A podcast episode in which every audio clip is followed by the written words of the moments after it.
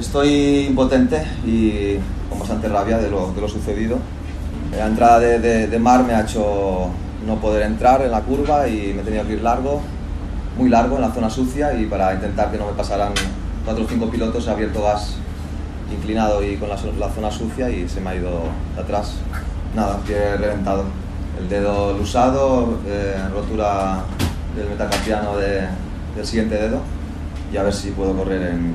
en, Tailandia. Eso me da rabia, me da rabia porque no hay nadie que, que, suponga que mi caída ha estado marcada por el puesto delantero del mar y, desde fuera se, se, ve, se cree que ha sido mi culpa y no es así. Solo espero que, que venga a disculparse o a saber cómo estoy eh, y sobre todo que no, no, me lo vuelva a hacer, porque si dirección de carrera a estas acciones no, no está haciendo nada y si lo hace con una, una patadita que no, cree, no crea ninguna caída a ningún piloto o se monta todo el jaleo cuando no pasa nada, si me, si me revienta la pierna, al menos que, que se le diga algo, que, que, no, que no, no vuelva a suceder.